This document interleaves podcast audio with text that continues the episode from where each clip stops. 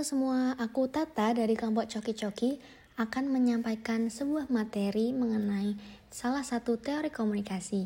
Nah, pada kesempatan kali ini aku akan menyampaikan mengenai teori akomodasi komunikasi. Nah, teori akomodasi komunikasi tersebut pertama kali diperkenalkan oleh Howard Gills Nah, berdasarkan pengalaman seorang profesor yang berasal dari Chicago dan kemudian pindah ke ujung selatan Amerika Serikat, teori akomodasi komunikasi oleh Howard Gills merupakan sebuah peristiwa nyata dan dapat terjadi di kehidupan nyata. Dalam kata lain, teori ini telah teruji kebenarannya. Teori ini menyatakan bahwa ketika dua orang atau lebih yang saling berinteraksi satu sama lain dan berasal dari daerah yang berbeda, para pembicara akan cenderung menyesuaikan cara bicara, pola vokal, materi yang dibicarakan, ataupun perilaku untuk beradaptasi dengan lingkungan sekitarnya yang baru dan dapat berbaur atau menjadi lebih cocok dengan masyarakat sekitar. Akomodasi sendiri adalah sebuah kemampuan untuk menyesuaikan, memodifikasi, atau mengatur perilaku seseorang ketika merespon komunikasi atau perilaku orang lain. Akomodasi tersebut lebih sering dilakukan seseorang secara tidak sadar. Manusia cenderung memiliki asumsi-asumsi kognitif internal sebagai pedoman yang kita gunakan ketika kita berbicara dengan orang lain. Akan tetapi, karena kita memiliki kultur yang berbeda dengan orang lain, bisa jadi asumsi kebudayaan yang kita bawa juga tidak sepenuhnya dapat mengakomodasi harapan dari lawan bicara kita. Akomodasi sendiri dalam psikologi dapat diartikan sebagai sebuah penyesuaian tingkah laku manusia terhadap lingkungan di sekitarnya. Substansi dari teori akomodasi sebenarnya adalah adaptasi, yaitu mengenai bagaimana seseorang menyesuaikan komunikasi mereka dengan orang lain. Teori ini berpijak pada premis bahwa ketika seseorang berinteraksi dalam sebuah komunikasi, mereka akan menyesuaikan pembicaraan yang mereka lakukan. Sebenarnya, Teori ini terinspirasi dari sebuah penelitian yang dilakukan di dalam bidang ilmu psikologi sosial. Oleh karena itu, untuk memahami teori ini dengan utuh, kita tidak bisa melepaskan teori ini dari asumsi psikologi sosial yang menjadi inspirasi dari teori ini. Dalam membentuk teori yang kini digunakan untuk menjadi salah satu teori yang dibahas dalam pembelajaran komunikasi manusia, Giles dan rekan-rekannya memiliki beberapa pertanyaan yang kemudian dijadikan titik acuan dalam penelitiannya, seperti apakah sikap akomodasi selalu dilakukan secara sadar, apakah orang lain secara akurat dapat memahami maksud seseorang saat orang tersebut mengubah gaya bahasanya, dan penelitian tersebut dilakukan kepada dua kelompok, yaitu kelompok remaja hingga dewasa dengan umur 40 hingga 50 tahun dan kelompok tua dengan umur 65 tahun ke atas. Teori dan penelitian ini kemudian berkembang menjadi teori masalah komunikasi antar budaya dan hal-hal lain yang berkaitan dengan akomodasi komunikasi.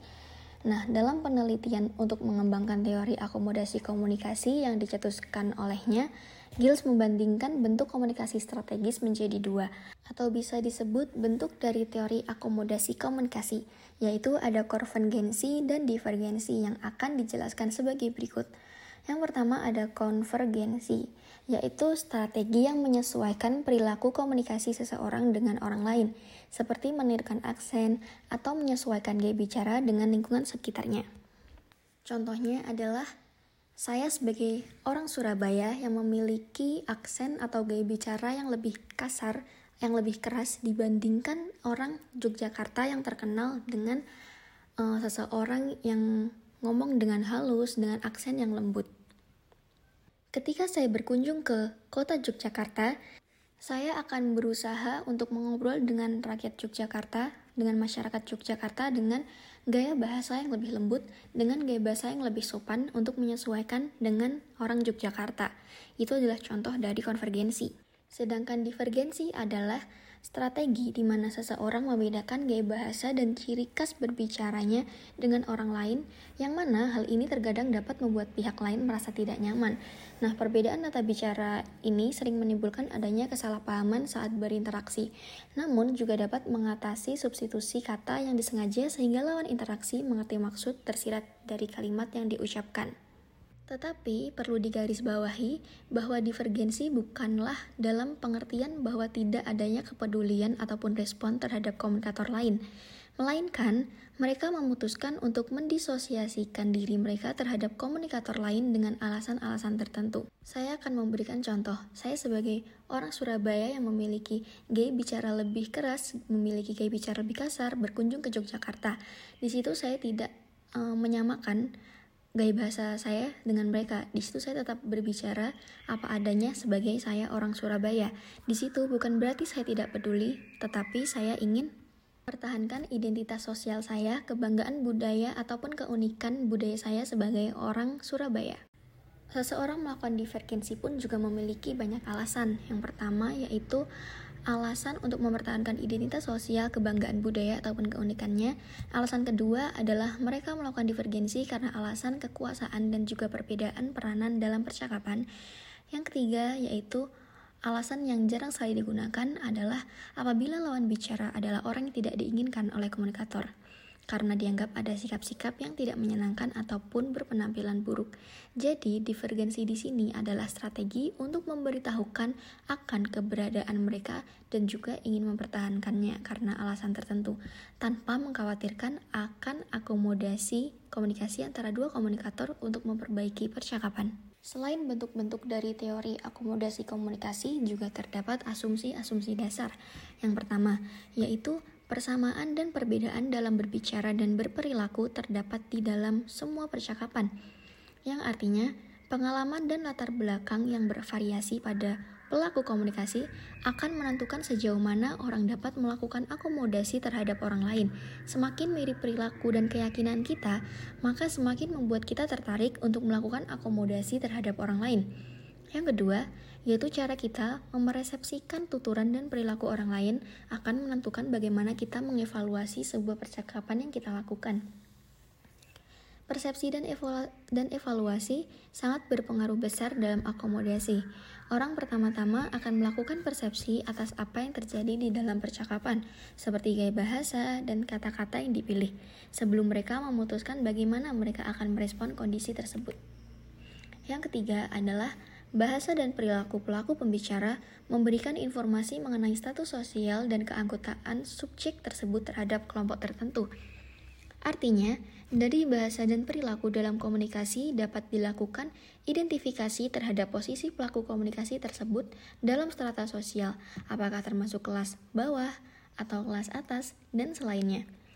Dan asumsi keempat yaitu akomodasi akan bervariasi dalam hal tingkat kesesuaian terhadap pelaku pembicara dan norma-norma sosial mengarahkan proses akomodasi. Yang dimaksud dari asumsi ini adalah Akomodasi dapat bervariasi dalam hal kepantasan sosial, sehingga akan terdapat saat-saat ketika melakukan akomodasi tidak pantas untuk dilakukan. Sementara itu, norma-norma sosial memiliki peran yang penting karena memberikan batasan dalam tingkatan yang bervariasi terhadap perilaku akomodatif yang dipandang sebagai hal yang diinginkan dalam sebuah komunikasi. Nah, Adanya keanekaragaman dalam interaksi sosial membuat ciri khas pada suatu komunitas seperti ras atau suku tersendiri dalam kehidupan bermasyarakat. Hal ini menunjukkan efek positif, namun juga menimbulkan beberapa permasalahan seperti mengapa orang-orang sering berkomunikasi dengan cara yang berbeda sebagai identitas suatu kelompok sehingga terkadang terjadi perselisihan di antara masyarakat. Permasalahan ini juga memiliki teori tersendiri yaitu teori identitas sosial yang dikembangkan oleh Henry Tafgel. Teori akomodasi komunikasi banyak didasari oleh asumsi-asumsi yang ada di dalam teori identitas sosial. Misalnya, apabila anggota kelompok yang berbeda sedang berkumpul bersama, mereka akan membandingkan diri mereka jika perbandingan itu bagi mereka adalah sesuatu yang positif, maka akan muncul identitas sosial yang positif pula. Gills memperluas gagasan ini dengan mengatakan bahwa hal yang sama terjadi tidak hanya pada identitas, akan tetapi juga pada gaya bicara seperti nada, aksen, kecepatan, dan pola interupsi seseorang terhadap lawan bicaranya. Setelah melakukan banyak riset dan penelitian selama 35 tahun, Gilles dan rekannya akhirnya menulis tentang akomodasi komunikasi dalam monografi, yaitu bahwa pendengar mengganggu konvergensi sebagai positif dan divergensi sebagai negatif. Perbedaan dalam interaksi sering dilihat oleh penerimanya sebagai penghinaan atau sebuah tindak sopanan dikarenakan adanya salah pahaman di antara mereka, yang lebih dikenal dengan versus akomodasi subjektif. Giles menyatakan bahwa seseorang tidak menyatu dengan atau menyimpang dari ucapan sebenarnya dari penerima, tetapi menuju atau dari stereotip seseorang tentang ucapan penerima. Nah, sisi positif dari adanya perbedaan ini tanpa harus mengakomodasi seseorang adalah seseorang dapat menegaskan kembali identitasnya di mata masyarakat sosial. Hal ini dapat mengukuhkan atau bahkan mengangkat nama baik orang tersebut jika ia dianggap berasal dari komunitas yang baik, terkenal, atau memiliki kekuatan dalam masyarakat sehingga mendapat perlakuan yang berbeda daripada orang-orang yang dianggap biasa lainnya. Suatu kelompok juga dapat meningkatkan sikap solidaritas dengan ciri khas komunikasi yang dimiliki, contohnya dengan menggunakan bahasa nasional. Dengan adanya situasi seperti ini, divergensi dianggap sebagai strategi akomodasi seperti konvergensi, tetapi juga sebagai akomodasi untuk kelompok dalam anggota kelompok luar. Saya akan memberikan studi kasus mengenai teori akomodasi komunikasi, yaitu ada kultur Batak dan kultur Jawa yang merupakan dua kultur di Indonesia yang dianggap sebagai rep representasi dari dua nilai yang saling bertolak belakang kultur Batak dengan sikap keras dan to the point, sedangkan kultur Jawa yang cenderung lembut dan tersirat. Dalam kasus tersebut, terdapat informan Batak yang bertempat tinggal di Jawa. Informan dari latar belakang kultural Jawa mampu memiliki kesamaan topik pembicaraan, sedangkan individu berlatar belakang kultural Batak mengalami kesulitan. Informan dari latar belakang kultural Jawa mampu memiliki kesamaan topik pembicaraan karena selama proses komunikasi berlangsung, mereka cenderung menjadi komunikan dengan sikap yang suportif. Informan dari latar belakang kultural Batak cenderung mengalami kesulitan untuk menemukan kesamaan topik pembicaraan. Nah, kesimpulan dari studi kasus tersebut bisa disimpulkan bahwa bentuk akomodasi komunikasi yang muncul adalah konvergensi. Individu dari latar belakang kultural Jawa cenderung mampu untuk menunjukkan akomodasi komunikasinya, sedangkan individu dari latar belakang kultural Batak mengalami kesulitan. Individu dari latar belakang kultural Jawa melakukan akomodasi komunikasi karena norma dan nilai yang mereka bawa dari kultur Jawa mengajarkan tentang perlunya harmoni dalam masyarakat yang membuat mereka memiliki kecenderungan untuk menyeimbangkan komunikasi yang terjadi dengan berbagai macam cara. Individu dari kultur Batak melakukan akomodasi komunikasi karena mereka adalah minoritas. Dalam sebuah masyarakat, Biasanya kelompok minoritas selalu berusaha untuk diterima ke dalam kelompok mayoritas. Alasan tersebut merupakan faktor pendorong mereka untuk melakukan akomodasi komunikasi. Oke, thank you Tata udah dijelasin tuh tentang teori yang pertama. Nah, setelah ini aku bakalan jelasin teori selanjutnya yaitu speech codes theory. Asumsi dari speech codes theory. Nah, teori speech codes ini dicetuskan oleh Gary Philipson teman-teman. Dan teori ini pada dasarnya memandang budaya sebagai suatu konstruksi sosial dan pola simbol, kemudian ada makna-makna, pendapat, dan juga aturan-aturan yang dipancarkan secara berlanjut. Teori ini diasumsikan sebagai teori yang meneliti kemampuan orang asing untuk menyesuaikan suasana melalui gaya bahasa ketika bersama dengan orang asing atau sedang berada di lingkungan orang asing tersebut. Nah, jadi pada intinya itu speech codes theory ini mempelajari tentang uh, perbedaan simbol-simbol ataupun kode di eh, wilayah-wilayah uh, tertentu seperti itu. Selanjutnya, apa sih yang melatar belakangi teori ini? Nah, teori ini pertama kali itu dilatar belakangi ketika Philipson membaca sebuah artikel yang ditulis oleh ahli antropologi dan juga ahli bahasa yang bernama Dale Hames yang mengatakan bahwa etnografi ini merupakan praktek studi variasi dari ilmu komunikasi yang besar dan berada di seluruh dunia. Nah, yang berkaitan dengan wilayah tentunya. Dan kemudian Philipson memutuskan untuk memulai studinya pada masyarakat Chicago di suatu tempat yang bernama Thamsterville. Oke, selanjutnya ada substansi dari speech codes theory. Philipson uh, menguraikan secara singkat inti dari teori kode berbicara atau speech codes theory dalam bentuk lima proposisi yaitu yang pertama ada perbedaan kode berbicara, kemudian ada hakikat atau unsur kode berbicara, yang ketiga penafsiran kode berbicara, yang keempat situs atau lokasi kode berbicara, Dan yang terakhir itu atau yang kelima ada kekuatan kode berbicara dalam sebuah diskusi. Nah, dan setelah ini akan aku jelasin nih satu-satu mulai dari perbedaan, hakikat, penafsiran kode berbicara dan uh, kekuatan kode berbicara dalam komunikasi. Oke, langsung aja yang pertama yaitu ada uh, proposisi perbedaan kode berbicara. Nah, jika ada suatu budaya yang berbeda, maka di sanalah kita juga akan menemukan suatu perbedaan dalam berbicara pula. Nah, di sini ini maksudnya ketika kita uh, menemui sebuah uh, ada suku yang berbeda dengan suku kita, maka di suku tersebut kita akan secara tidak langsung menemukan uh, cara berkomunikasi yang berbeda ataupun cara penyampaian informasi-informasi uh, yang berbeda nih teman-teman. Oke, selanjutnya yang kedua ada hakikat kode berbicara atau unsur dari speech codes teori. Hakikat kode berbicara uh, melibatkan perbedaan secara kultural psikologi, sosiologi, dan juga retorika. Dari psikologi nih, setiap kode berbicara tematises merupakan sifat dari individu dalam cara memberikan fakta-fakta Kode Temsterville juga menegaskan orang itu sebagian uh, orang itu sebagai seikat dari peranan sosial. Jadi uh, dari kode Temsterville itu menegaskan bahwa orang-orang di lingkungan itu merupakan uh, komponen yang tidak dapat dipisahkan dari peranan sosial. Yang kedua ada sosiologi. Sosiologi suatu kode berbicara menyediakan suatu sistem jawaban tentang hubungan antar pribadi dan orang lain yang dapat dilihat atau bicara sumber daya simbolisis apa yang dapat dengan efektif dalam mencari hubungan itu. Yang terakhir yaitu retorik. Retorik terdapat dua pengertian dalam penemuan kebenaran dan daya tarik persuasif. Yang ketiga, proposisi yang ketiga ada penafsiran kode berbicara.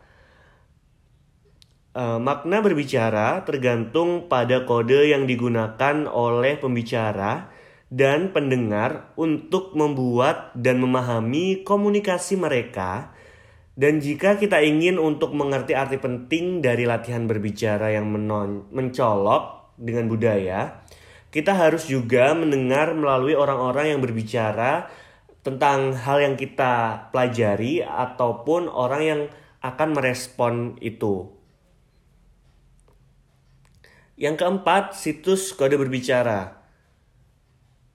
Philipson meyakini bahwa kode berbicara merupakan tampilan umum sebagai seorang yang berbicara. Mereka membuka untuk penelitian oleh siapa pun yang cukup peduli untuk mengambil pandangan yang panjang dan ritual komunikasi ini mengikuti berbagai tipe rangkaian. Ada empat tipe rangkaian. Yang pertama ada permulaan atau inisiasi. Suara dari teman dibutuhkan untuk bekerja melalui masalah interpersonal. Yang kedua adalah pengakuan, yaitu mengesahkan kepercayaan orang penting di dalam persoalan dengan ketersediaan untuk duduk dan bercerita. Yang ketiga ada perundingan, memperlihatkan diri teman pendengar yang percaya dalam sebuah empati dan tidak berpendapat teman memperlihatkan umpan balik yang terbuka dan berubah. Dan yang keempat ada penetapan, yaitu teman dan orang kepercayaan mencoba untuk memperkecil perbedaan pandangan dan mengulangi pengertian pertanyaan dan berjanji satu sama lain. Kemudian ada proposisi yang ketiga, ya eh yang terakhir maksudnya, yang kelima, kekuatan kode berbicara dalam diskusi. Rencana yang licik digunakan untuk membagi kode bicara merupakan kondisi yang cukup untuk meramalkan, menjelaskan, dan mengendalikan bentuk dari percakapan tentang hal yang jelas, pengolahan yang penuh kehati-hatian, dan moralitas dari tingkah laku komunikasi. Jadi uh, di sini yang dimaksud dari proposisi yang kelima ini, ketika kita berada di suatu wilayah dan wilayah tersebut itu memiliki kode yang uh, biasa atau sering digunakan uh, dalam berkomunikasi, maka ketika kita dapat menggunakan istilah istilah-istilah ataupun kode yang uh, sama dengan yang ada di lokasi tersebut, berarti secara tidak langsung kita dapat uh, memberikan kekuatan lebih terhadap uh, pembicaraan kita dengan orang-orang yang ada di wilayah tersebut, teman-teman. Seperti itu. Dan yang terakhir kita akan membahas langsung tentang studi kasus yang berkaitan dengan speech codes theory. Di sini studi kasus yang pertama ada penggunaan nada suara tinggi di komunitas kehidupan suku Batak yang merupakan suatu kebiasaan yang tidak bermakna. Ulang, ulang, ulang, ulang. Ini di cut aja mulai studi kasus.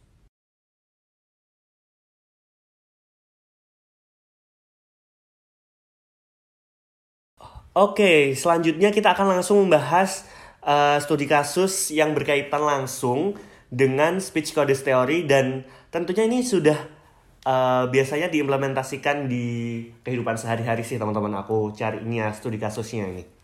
Oke, yang pertama uh, ketika kita uh, berada di situasi ada dua suku, misalnya aja suku Jawa dan juga suku Batak. Nah, suku Batak ini uh, dalam kehidupan sehari-hari biasanya dengan penggunaan nada tinggi itu uh, dalam berkomunikasi itu bukan menjadi suatu hal yang menunjukkan amarah ataupun kemarahan. Namun ketika penggunaan nada tinggi ini digunakan di orang-orang di komunitas suku Jawa, maka maka maka dapat dipastikan bahwa orang yang melakukan berbicara dengan nada tinggi ini uh, beliau ini sedang uh, memiliki emosi amarah seperti itu. Jadi studi kasus yang pertama ini yang berkaitan dengan kebudayaan ini berkaitan langsung dengan uh, proposisi yang pertama yaitu perbeda perbedaan kode berbicara. Nah, perbedaan kode berbicara ini uh, akibatnya bukan akibatnya sih, pengaruhnya ini karena adanya perbedaan budaya yang menonjol dan signifikan di antara dua komunitas yang ada. Seperti itu, teman-teman. Jadi uh, belum tentu yang di komunitas A ini berarti A, belum tentu di komunitas B juga berarti A. Bisa jadi di komunitas B ini juga bisa berarti B. Seperti itu teman-teman. Mungkin bisa dipahami ya. Oke selanjutnya studi kasus yang kedua yaitu dengan adanya penggunaan kata lo dan gue sebagai pengganti kata aku dan kamu di Jakarta. Nah, ini studi kasus ini cukup sering banget kita ketem kita temui uh, dan studi kasus yang kedua ini tentu berkaitan dengan uh, proposisi dari speech codes theory yang kelima yaitu kekuatan kode berbicara dalam sebuah diskusi. Nah ini ditunjukkan bahwa ketika kita berada di komunitas orang-orang Jakarta nih, pasti mereka akan uh, lebih klub lebih engage satu sama lain ketika menggunakan kata lo gue ini sebagai pengganti aku dan kamu. Karena mereka uh, yakinnya itu kalau kita pakai kata aku dan kamu itu udah mengarah ke hubungan serius. Sedangkan kita kalau lagi nongkrong-nongkrong aja uh, mereka itu lebih nyaman atau lebih klop itu ketika menggunakan kata lo dan gue sebagai kata pengganti aku dan kamu. Begitupun pula ketika kita berada di uh, komunitas anak-anak Surabaya nih kita bisa biasanya tuh ngomongnya kasar-kasar terus juga hagi pakai campuran antara bahasa Jawa dan juga bahasa Indonesia. Dan ketika kita bawa kebiasaan yang ada di Surabaya ini ke Jakarta maka belum tentu mereka itu akan paham ataupun uh, engage dengan uh, apa yang kita bicarakan. Seperti itu teman-teman. Jadi uh, kekuatan kode itu uh, bisa menentukan uh, efektif tidaknya kita saat ber berbicara di dalam sebuah forum diskusi. Nah, mungkin itu tadi yang bisa Fikri jelaskan dengan teori speech code dan selanjutnya akan dijelaskan oleh Fanny. Selanjutnya mengenai standpoint teori atau yang hari ini kita bahas mengenai sudut pandang feminis. Menurut Sanda Harding, teori sudut pandang feminis adalah teori yang sedikit revolusioner dengan mengganti sudut pandang dominan dengan sudut pandang di luar arus utama budaya yang dapat menjadi penengah pada lingkungan sosial. Hal ini karena sudut pandang ditentukan oleh lokasi sosial yang spesifik. Dan menurut Julia T. Wood atau yang biasa dikenal Julia Wood, Teori sudut pandang feminis adalah teori yang mengkaji perilaku komunikasi kerangka teoritis dengan sejarah panjang. Sudut pandang feminis memiliki lima asumsi, yaitu yang pertama, kehidupan material menyusun dan membatasi pemahaman tentang hubungan sosial. Yang kedua, semua sudut pandang memiliki pemahaman parsial dan merugikan, disusun dalam dua cara yang berlawanan untuk dua kelompok yang berbeda, yaitu dominan dan bawahan. Pemahaman akan menjadi kebalikan dari yang lain. Yang ketiga, kelompok penguasa menyusun kehidupan sedemikian rupa untuk menghilangkan beberapa pilihan dari kelompok bawahan. Yang keempat, kelompok bawahan harus memperjuangkan visi kehidupan sosialnya. Dan yang terakhir, pemahaman potensial mengenai mereka yang tertindas menunjukkan sebuah hubungan yang tidak memiliki jiwa kemanusiaan, sehingga membuat kita untuk melihat dunia yang lebih baik dan lebih adil.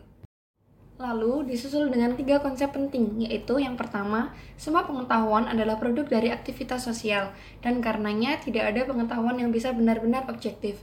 Yang kedua, teori sudut pandang feminis merupakan upaya yang bermanfaat untuk memahami ciri-ciri khas dari pengalaman perempuan.